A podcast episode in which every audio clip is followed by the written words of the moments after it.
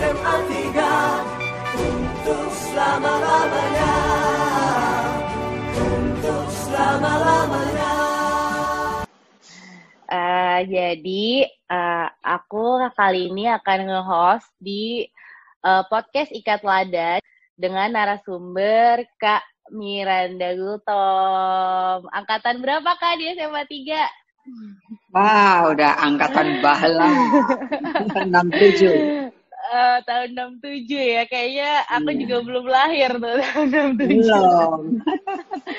dulu dulu emang sekolah kita tuh udah terkenal SMA SMA borjuis apa gimana sih kak?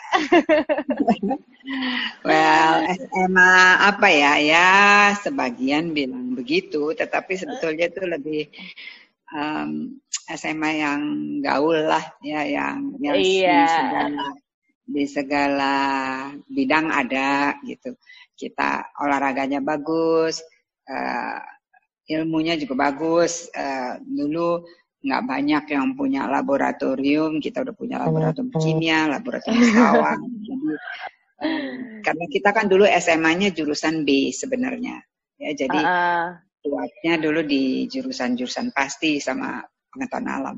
Tentunya eh, berkembangnya waktu banyak sekali dulu eh, bahkan zaman-zaman tahun kelulusan saya itu hampir lebih dari 75% tuh masuknya ke UI, ke ITB. Iya. ke Jadi emang udah udah dikenal. Ya, ya.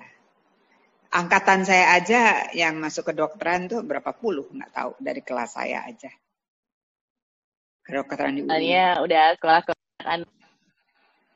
Iya, Kak Iya. Miranda juga kan di UI ya kak. Iya.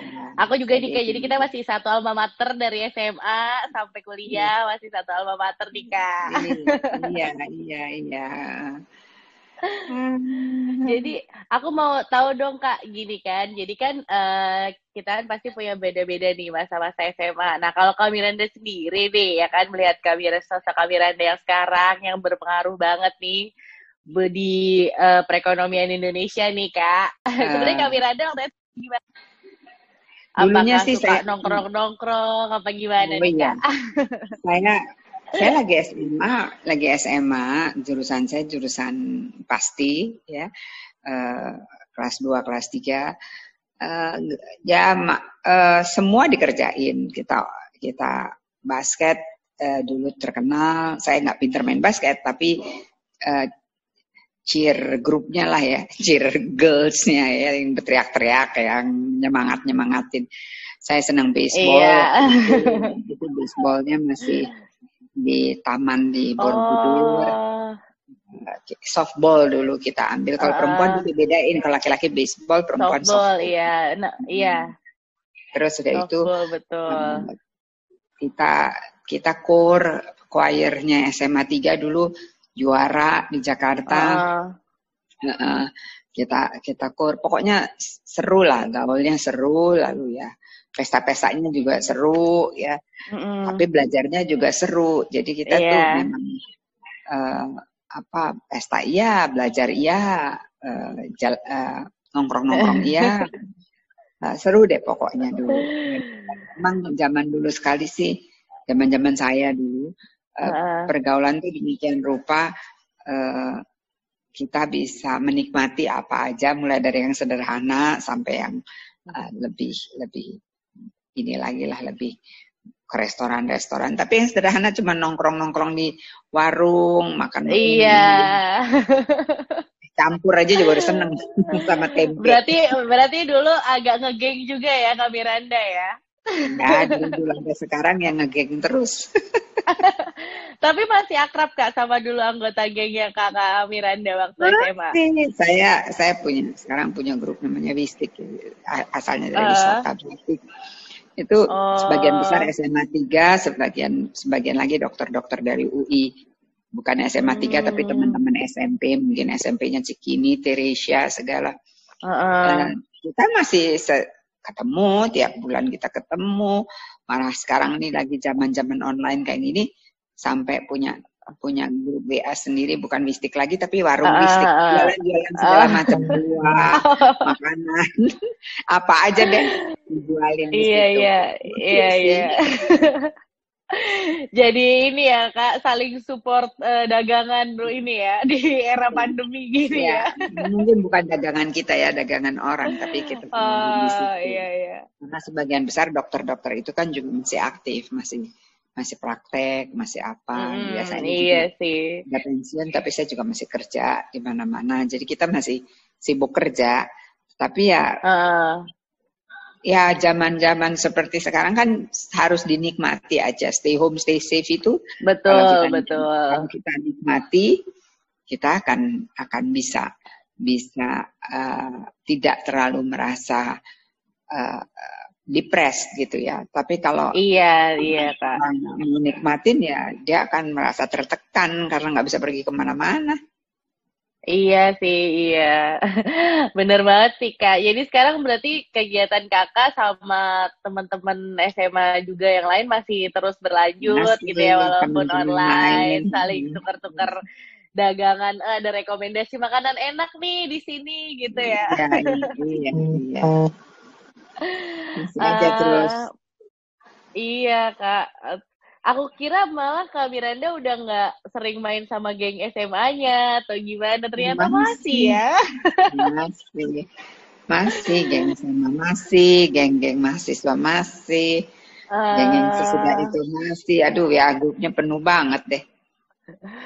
Eh, terus kalau misalkan gini nih Kak, kita kan eh, ngebahas nih kan Kak Miranda habis dari SMA 3 lulus ke FEUI gitu ya Kak. Iya. Terus iya. sebenarnya nih Kakak eh, dari dari SMA nih emang udah pengen berkecimpung di bidang ekonomi atau sebenarnya Kak Miranda dulu sukanya bang geografi atau biologi gitu. Sebenarnya gimana sih Kak sampai bisa ke ekonomi gitu? Saya saya sebenarnya eh, nggak pernah mimpi juga ambil ekonomi karena saya kan dari jurusan pasti ya. Pinginnya dulu eh, masuk ke teknik atau eh, paling tidak eh, sesuatu yang lebih banyak ilmu pastinya. Eh, tetapi eh, akhirnya saya ter- tertarik gitu ya sama sama ekonomi. Mungkin tertariknya karena eh, ada ada figure seperti Pak Ali Wardana, almarhum, Mm-mm. Pak Bijoy Diti Sastro. Itu zaman-zaman tahun 68. Saya kan lulus 67, tapi dulu kan Januari, jadi lulus Desember 67, 68 baru masuk mahasiswa.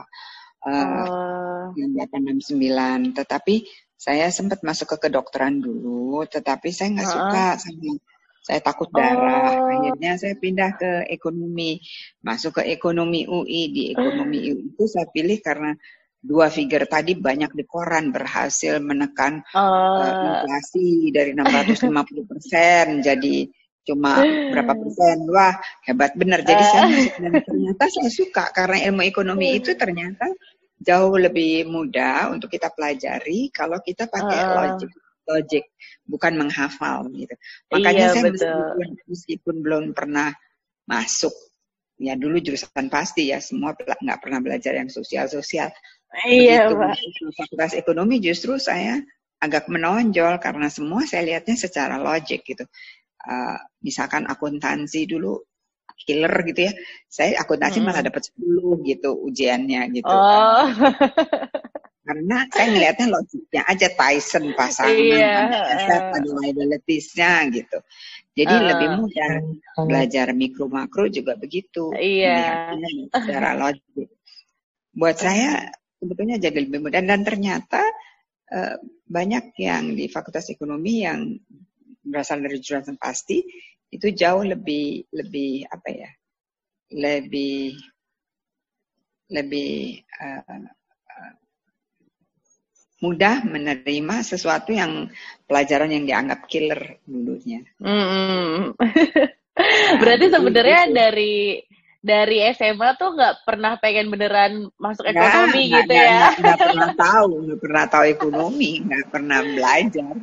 Eh, tapi waktu SMA nggak belajar kak soal ekonomi gitu kan dulu kalau waktu zaman aku tuh kita ada belajar buku besar, neraca gitu. Enggak. waktu Kalau jurusan Kalau jurusan jurusan pasti enggak, jurusan pasti enggak ada belajar itu. Oh. Sosialnya tuh paling kita kewarganegaraan yang umum.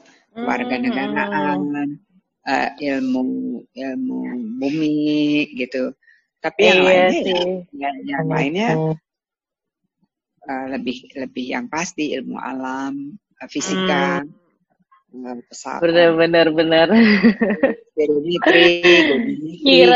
Kirain Kak Miranda dari SMA udah anaknya ekonomi banget gitu kan Oh, sama Kak. sekali Udah enggak. Sama sekali enggak. Taunya dulu enggak. stereometri sama goniometri. Oke Kak, kalau gitu eh, kita Hmm. berarti tahu nih sekarang ternyata Kak Miranda mengambil jurusan ekonomi itu karena awalnya sebenarnya kedokteran ya Kak, tapi ternyata ngerasa kurang fit in gitu ya di situ, Iya. akhirnya ngelihat sosok-sosok eh, yang hebat, akhirnya terinspirasi untuk ambil ekonomi Iya. gitu ya Kak. Iya, iya. Tapi sebenarnya gini deh kak, kalau misalkan tadi kita lihat ya, eh, pernah nggak sih sebenarnya Kak Miranda tuh dari awal nih sebelum berkecimpung di Bank Indonesia nih, sebenarnya Kak Miranda punya nggak sih kayak sebenarnya pro- eh, cita-cita atau profesi lain yang sebenarnya Kak Miranda pengen nih, apa sebenarnya pengen jadi entertainer, apa businesswoman, atau Kak Miranda pengen jadi eh, apa gitu dulu sebelumnya kak, Eh, atau gimana? Apa Eh, emang eh, sejak lulus udah banking gitu kak?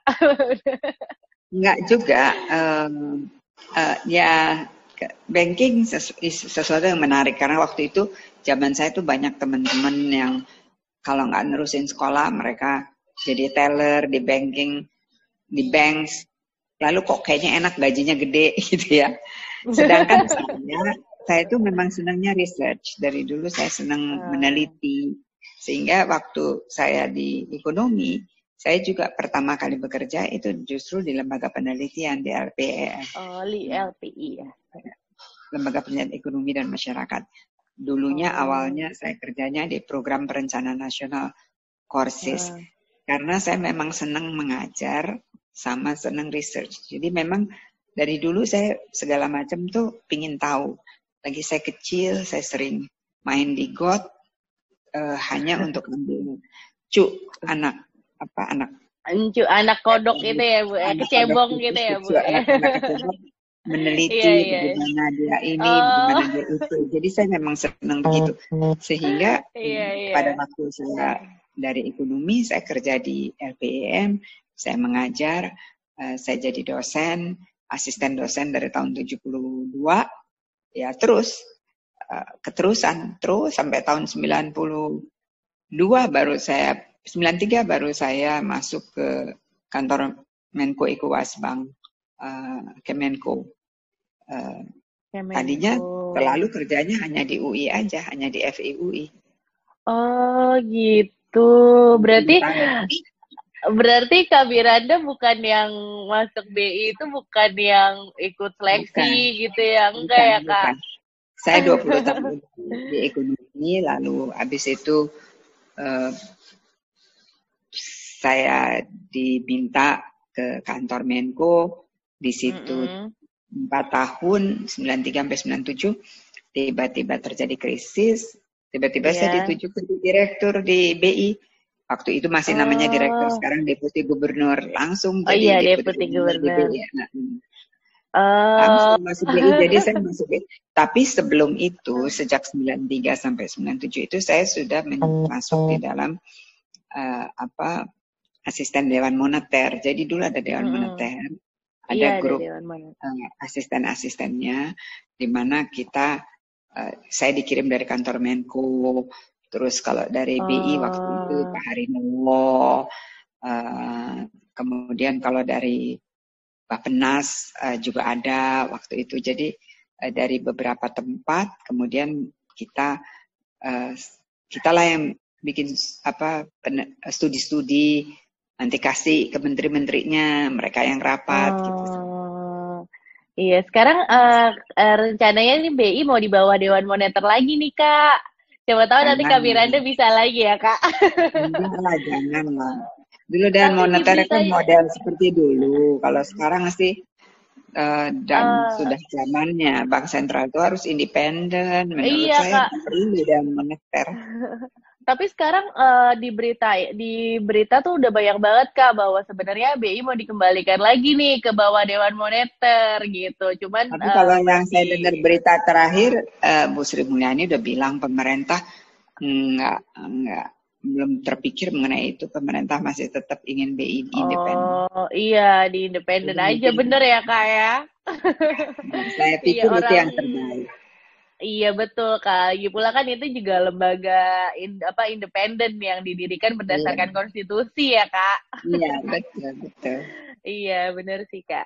Terus kalau misalnya kita uh, gimana ya kak mau ngomongin soal ini deh uh, ekspertisnya kak Miranda deh nih. hmm. Jadi kan uh, kita kan sering banget nih kayak denger um, istilah-istilah perekonomian nih misalkan yang sekarang terjadi uh, Korea Selatan mengalami resesi atau apa gitu. Nah, sebenarnya menurut pandangan kami Randa sendiri nih, sekarang perekonomian Indonesia kayak gimana sih kak? Bisa nggak nih dicoba di uh, di diberitahukan ke teman-teman yang dengerin dengerin podcast kita ini secara mudah gitu, mudah dipahami gitu kak? Ya uh, sebetulnya uh, resesi itu kita tahu uh, istilah resesi itu atau definisi adalah uh, dua kuartal berturut-turut terjadi pertumbuhan uh, negatif.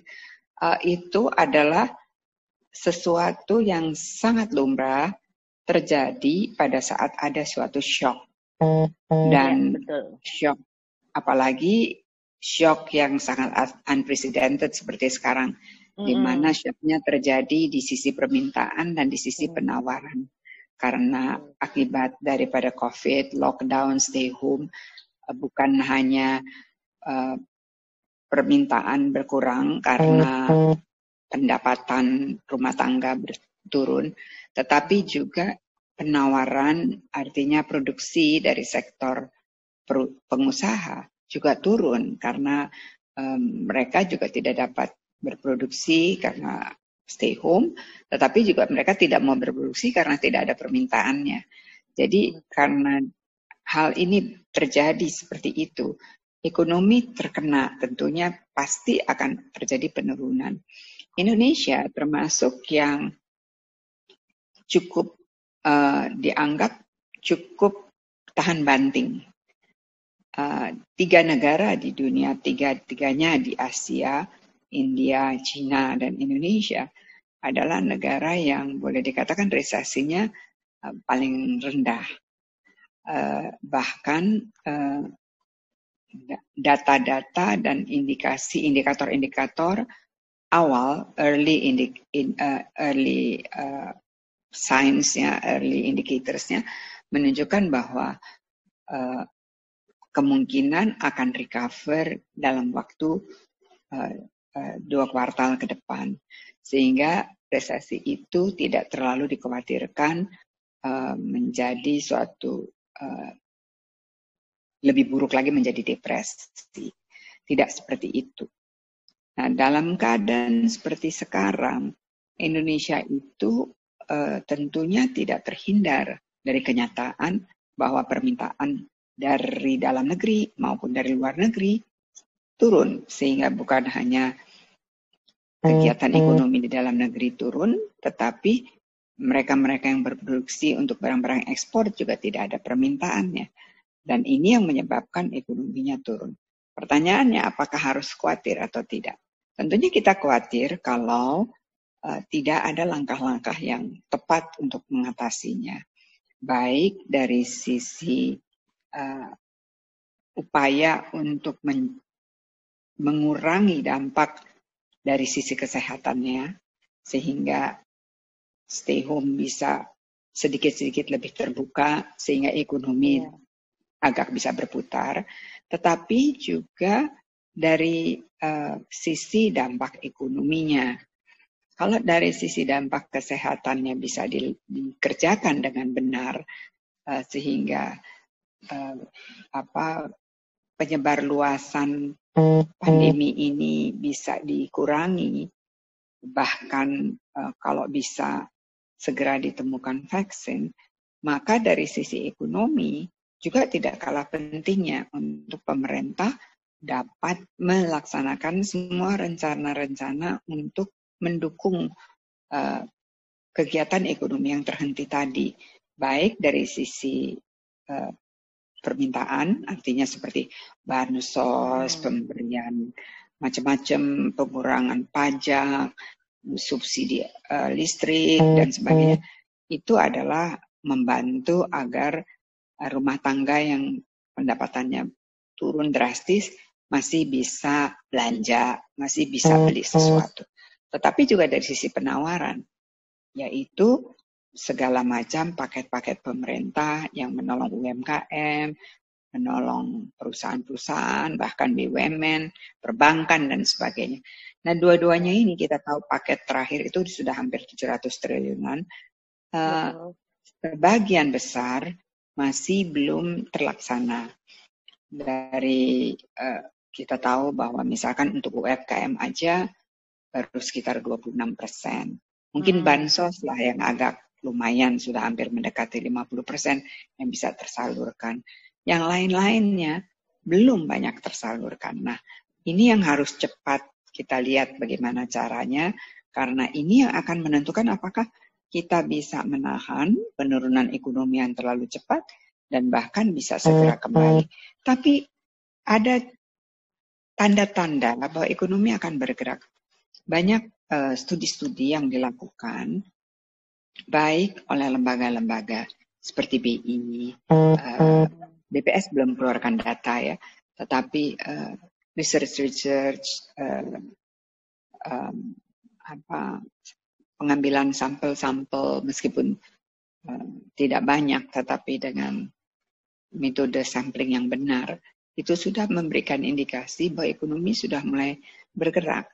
Permintaan dari golongan menengah ke atas sudah mulai naik, golongan rendah pun sudah mulai naik, mungkin dampak dari bansos dan sebagainya.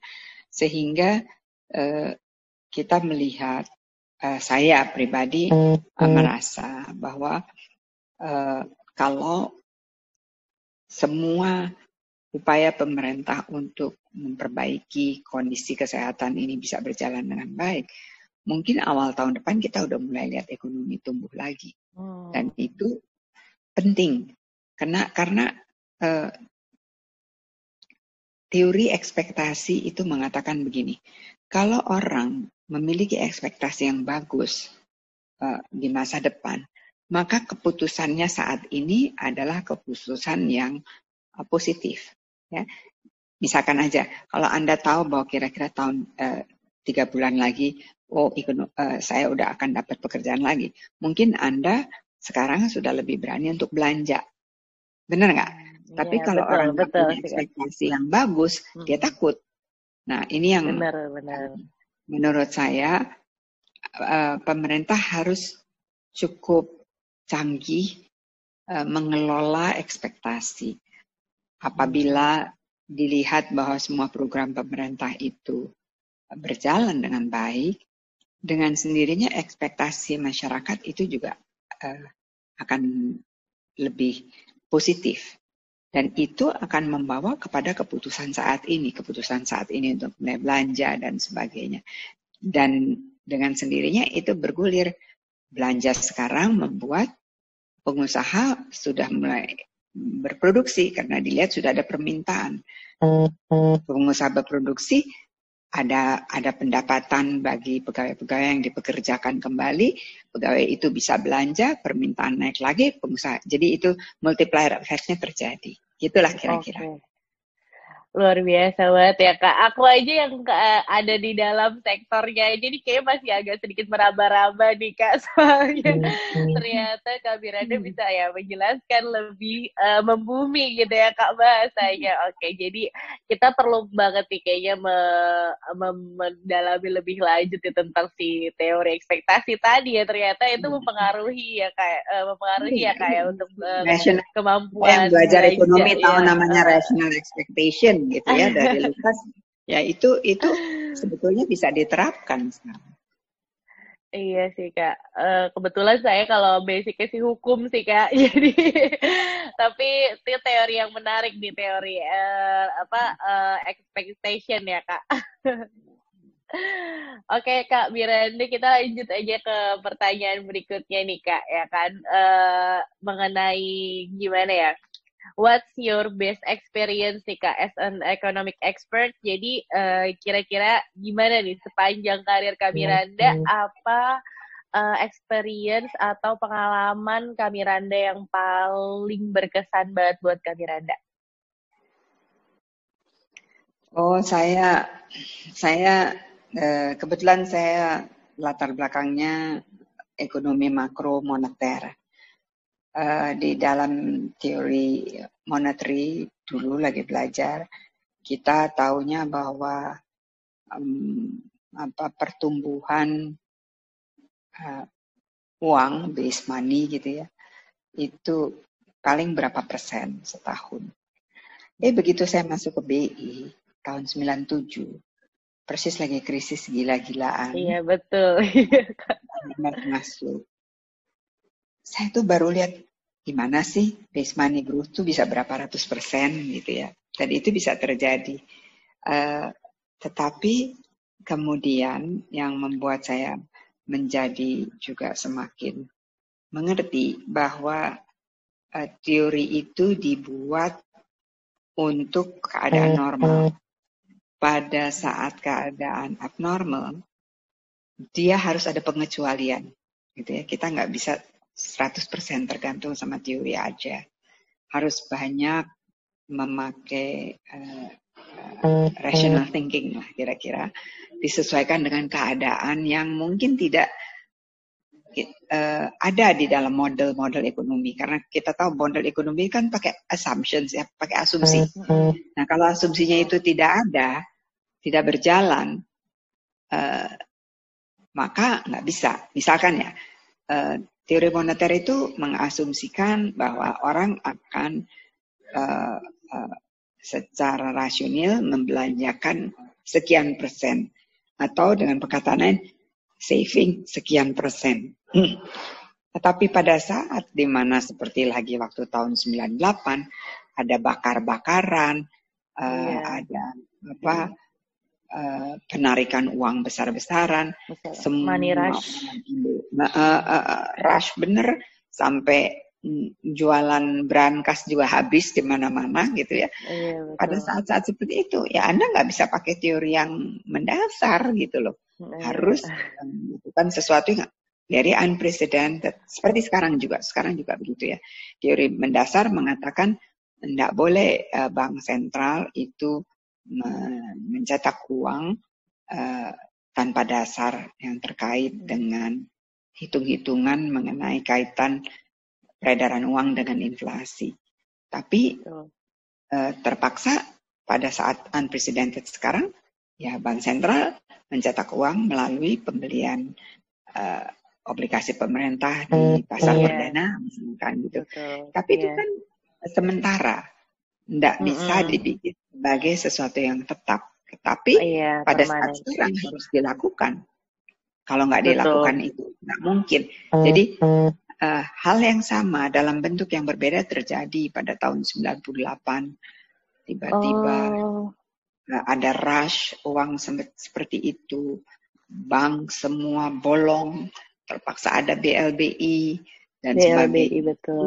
Buat saya saat-saat itu adalah saat-saat yang paling terkesan ya uh, betapa uh, uh, ekonomi itu bisa dalam kenyataannya uh, harus kita hadapi dengan rasio saat itu. Tidak bisa melulu pakai teori yang mati gitu. Itu sebabnya menurut saya ilmu ekonomi modern sekarang banyak sekali menggunakan peralatan matematik. Zaman saya ambil dokter mm -hmm. saya waktu saya belajar ada teman saya dari MIT melihat, Mir kok kamu belajar dynamic dynamic numbers kayak begini? Ya ya di ekonomi saya belajar begituan. kok sama kayak di engineering? Ya sama aja. Sehingga sekarang mathematical economics waktu itu sedang berkembang hmm. sekali. Tetapi tetap saja yang matematis itu akhirnya kan harus dipraktekkan dan saat mempraktekkannya itu belum tentu persis exact seperti mathematics. Mesti iya betul. banyak yang lain. Makanya ekonomi itu it's a science but it's also an art. Ada Iya. ada artnya seninya gitu loh Iya. Berarti eh, ekon eh, ini kayak quotes bagus nih Kak dia bahwa economics is not always a theory but it's an art ya Kak. Iya juga it's an art Ja- Jadi best best eh, experience Kak Miranda itu adalah ketika di mana sebenarnya eh, beberapa teori ekonomi yang sudah kita ketahui, yang well known teori itu sebenarnya diaplikasikan sebenarnya harusnya terbalik gitu ya di pada saat keadaan-keadaan tertentu gitu ya Iya, Kak. iya, Seperti waktu iya. keadaan 98 gitu. Hmm. dan sekarang Kalau sekarang eh, sekarang juga kayak gitu ya Kak ya. Iya, iya. Eh, Kak Miranda kan Kak masih ngikutin ya Kak kayak misalnya kayak perkembangan gitu kan suka dimintain kayak eh, pendapat eh, sama ini gak sih Kak sama kayak pejabat-pejabat negara atau apa gitu masih sering di ini gak sih Kak kayak ditanya-tanya pendapat Kak Miranda atau enggak eh, gimana nih Kak Miranda teori eh gimana nih Kak eh, harus cara yang kita pakai apa nih Kak gitu-gitu. Masih ini gak sih Kak? masih aktif gitu ya gak sih Kak? nanyanya harus pakai apa, tapi mereka kita tukar pikiran aja lah, lebih seperti itu. Dan Ah. tentunya saya berikan pendapat saya menurut pengalaman saya, menurut pengalaman saya, eh, dan saya kan masih terus mengikuti teori-teori baru, masih mengikuti tulisan-tulisan baru, sehingga saya beri pendapat saya kalau mereka terima bagus, nggak terima ya sudah. Berarti Kak Miranda nih masih tetap berperan menjadi orang di balik layar setiap ke policy policies ya Kak. masih sedikit banyak berkontribusi lah ya Kak. Saya masih suka nih lihat kayak apa namanya kalau misalkan ke gedung Tamrin masih ada oh ini Kak ini lukisan yang waktu itu disuka sama Kak Miranda nih dipesan ya. Jadi yang, yang ternyata di gedung Tamrin tuh ada pernak-pernik yang kesukaannya Kak Miranda juga ya. Ya saya kan Bikin- senang, saya senang art. Saya dulu ketua Oh. Yayasan Seni Rupa Indonesia, ketua Himpunan Oh. Keramik Indonesia. Iya. Saya juga senang musik. Saya ketua Nusantara Symphony Orchestra. Jadi ya Ah. semua dalam hidup kalau kita punya suka seni Ya, menurut saya hidup jadi lebih menyenangkan. Iya, harus punya sense of artnya ya kak bahkan ekonomi ternyata is an art Eh, mau dong kak nih buat closing statement nih. Kita perlu nih advice dari Kak Miranda atau pesan-pesan nih dari Kak Miranda buat generasi muda zaman sekarang nih. Kayak eh, early early 20, late late 20, early 30 nih kak. Kira-kira advice-nya apa nih kak yang bisa kakak share ke kita? Kalau menurut saya eh, hidup itu harus didasari atas eh, eh, kehausan untuk sesuatu yang baru, keingintahuan untuk sesuatu, eh, the everlasting learning process in life. Eh, saya sudah umur 71 sampai sekarang beruntung bisa ambil course online, course-courses yang saya dulu nggak sempat ambil, sekarang saya ambil di Stanford, saya ambil di Harvard, Hmm, oh numbering god factors segala macam saya ambil. Saya suka matematik, ngambil lagi di mana-mana gitu.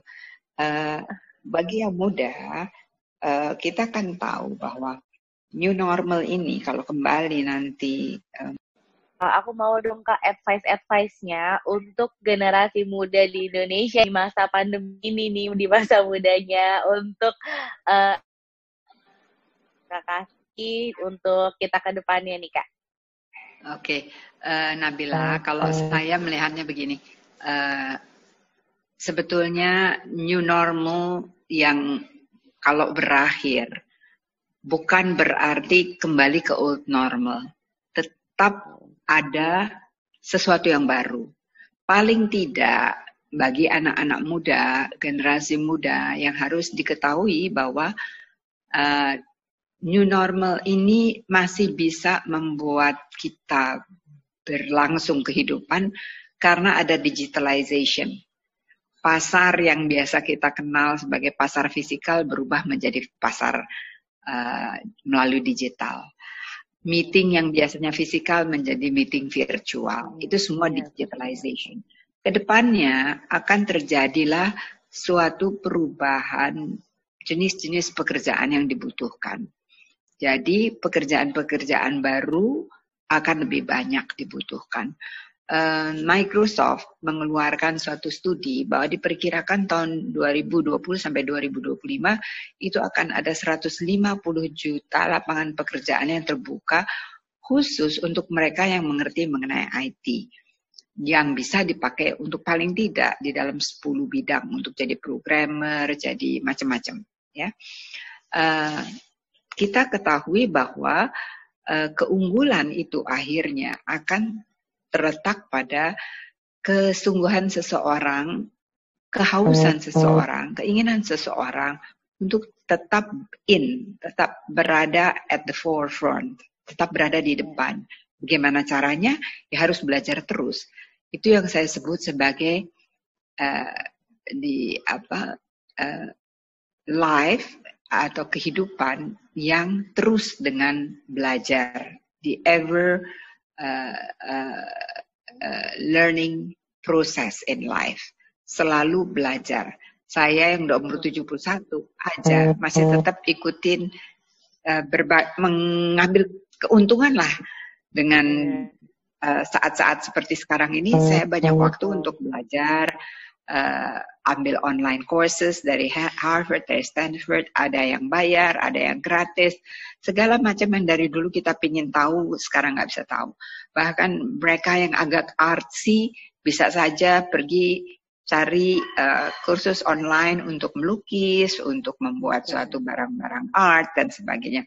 Mereka yang senang museum bisa banyak belajar history, belajar uh, museum uh, pieces uh, melalui uh, jelajah museum, melalui uh, online yang tersedia. Dan inilah untuk anak muda pesan saya, bahwa ke depannya persaingan akan semakin ketat. Tetapi juga akan semakin terbuka untuk setiap orang bisa bertambah uh, apa ya canggih, bisa bertambah pintar, asal saja rajin mencari tahu.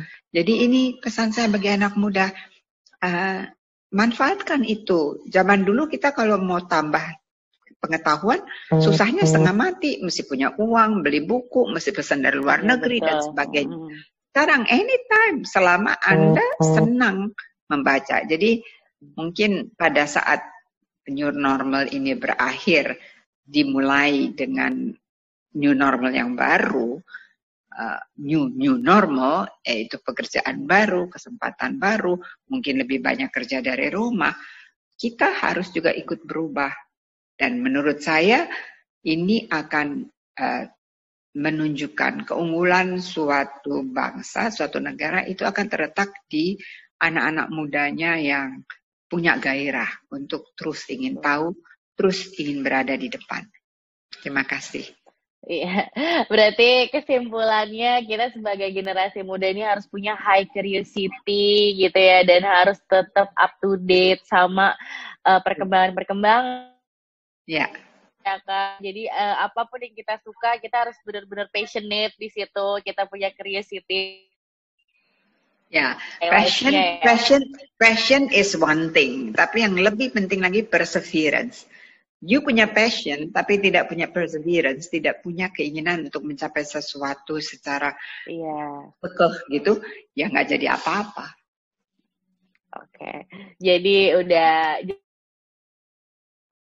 normal ini kita harus bisa manfaatin waktu sebaik mungkin gitu ya untuk cari online course, harus cari juga uh, apa namanya uh, mengambil keuntungan lah dari new normal ini ya kan karena kita punya ya jadi ini eh, adalah opportunity.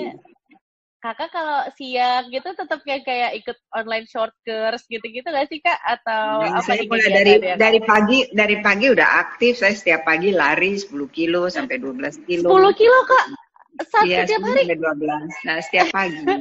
Mulai hari Minggu. Hari Minggu buat saya hari libur. Hari lain saya lari. Habis itu saya udah sibuk dengan segala macam seharian. Malah rapat terus melalui meeting, melalui eh, Zoom, eh, tapi juga pekerjaan yang lain-lain. Jadi nggak nggak ada bosennya. Malah jadi udah biasa kerja di dari rumah kayak begini. Oh, malah terbiasa ya kak ya. Oh gitu kak. Oke. Berarti kakak nih dari tidur kegiatannya udah olahraga pasti, terus eh, tetap ngurus lain, hobi-hobi gitu gak sih kak? Iya, sampai malam. Oke deh, berarti Yes, ini terima udah kasih. udah waktunya istirahat ya kak ya. Ya, Boleh? Terima kasih. Oke. Anda makasih banyak waktunya. Selamat Sama-sama. istirahat Kak Miranda. Sama-sama. Semoga advice-nya dan kita kali ini bisa menginspirasi